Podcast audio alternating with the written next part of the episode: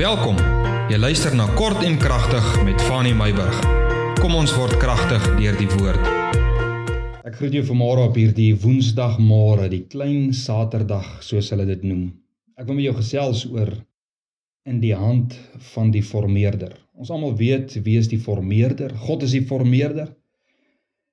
En vanmôre wil ek met jou gesels oor daardie spesifieke skrif wat sê dat hy is die pottebakker en ons is die klei en ons is op daardie draaiwiel nie. Dit het sy plek. Ek het al baie daaroor gesels dink ek.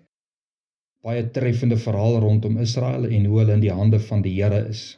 Vanmôre met jou gesels oor in die hand van die formeerder. Iemand het eendag 'n beeld daaroor gevra. Dit was iets wat ek ag, dis al so so lank al in die omgang net maar net weer daaroor gedink en dit het maar net toe die Here hier iets in my hart wakker maak het ek maar net weer daaroor gedink. Iemand het eendag 'n beeldhouer gevra wat besig was om uit 'n stuk klip of 'n rots, ek weet nie of 'n stuk graniet, ek kan nie onthou die die detail nie, maar hy was besig om uit hierdie stuk klip of rots was hy besig om 'n perd uit te kap. En iemand vra toe van maar hoe kry hy dit reg? Hy antwoord toe hy sê dis baie maklik. Ek kap alles wat nie perd is nie, kap ek af. Eenvoudig nê.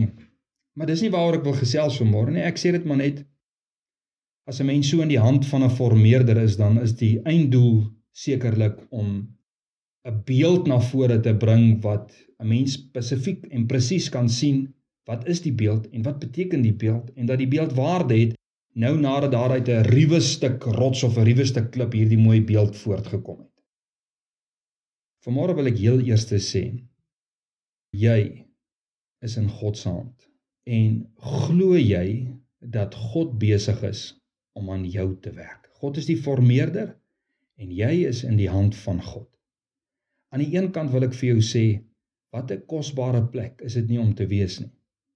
Om in die hande van God, Elohim, Skepper, te kan wees en te weet hy is besig om iets kosbaar te formeer.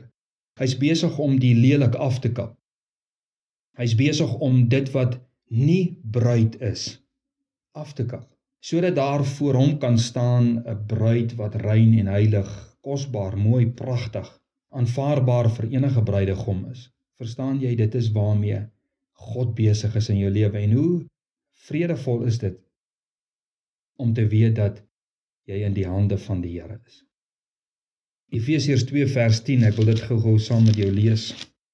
Efesiërs 2 vers 10 want ons is sy maaksel geskape in Christus Jesus tot goeie werke wat God voorberei het sodat ons daarin kan wandel.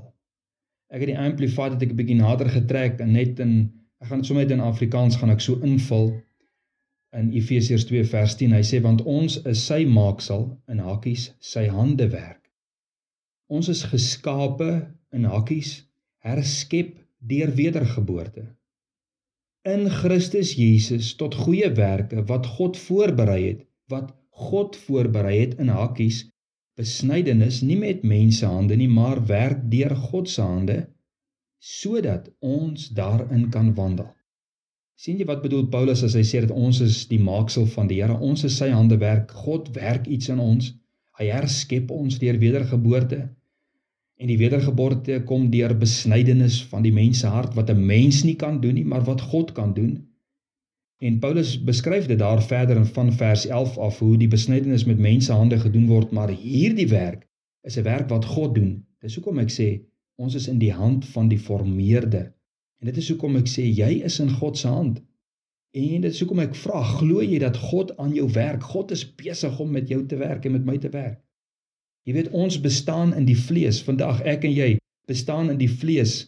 Um, ons bestaan in die vlees is te danke aan die die skepingsdaad van God. In geloof verstaan ek en jy dat God ons gewewe het in ons moeders se baarmoeders. Daar het God ons voorberei om voetspore op hierdie aarde te trap. Daarom kan ek en jy met reg sê ons is God se maaksels. Daarom kan ons sê ons is deur God geformeer. Ons is deur die hand van God is ons gevorm. Maar ook ons is geskep volgens Efesiërs 2:10 in Christus Jesus en ons is voorberei tot iets Daardie ou wat besig is om daardie perd uit daardie rots te kap. Hy is besig om iets voor te berei. Wat is hy besig om voor te berei? Hy is besig om hierdie rots voor te berei sodat hy 'n perd kan wees. Ons is besig om in Christus voorberei te word en ons is voorberei in Christus.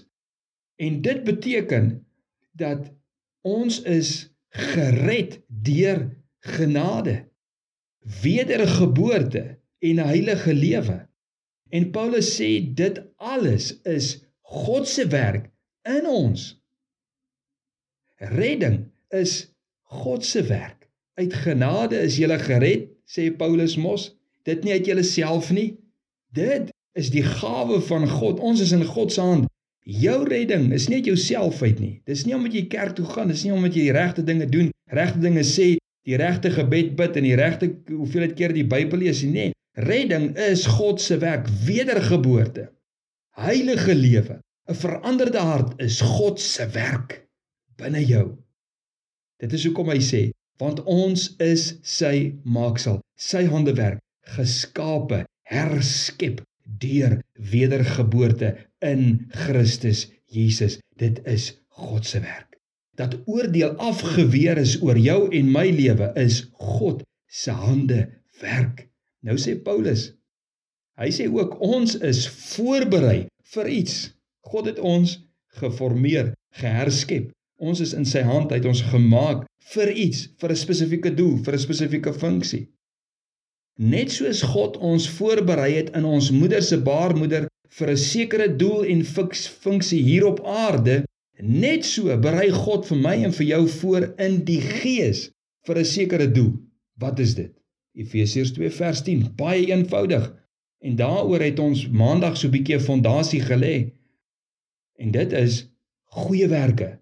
Dit is wat Efesiërs 2 vers 10 sê. Hy sê ons is sy maaksel, sy handewerk, geskape, herskep deur wedergeboorte tot nuwe geboorte gekom in Christus Jesus tot. Hier sê vir ons hoekom? Hoekom is ons God se hande werk? Hoekom het ons tot wedergeboorte gekom? Sodat ons kan kom tot goeie werke wat God vir ons voorberei het. Goeie werke. Toe ons maandag vlugtig gekyk het na Jesus se bevele, dan sal jy sien in die hele boek van Matteus hierdie bevele bevat onder andere die goeie werke.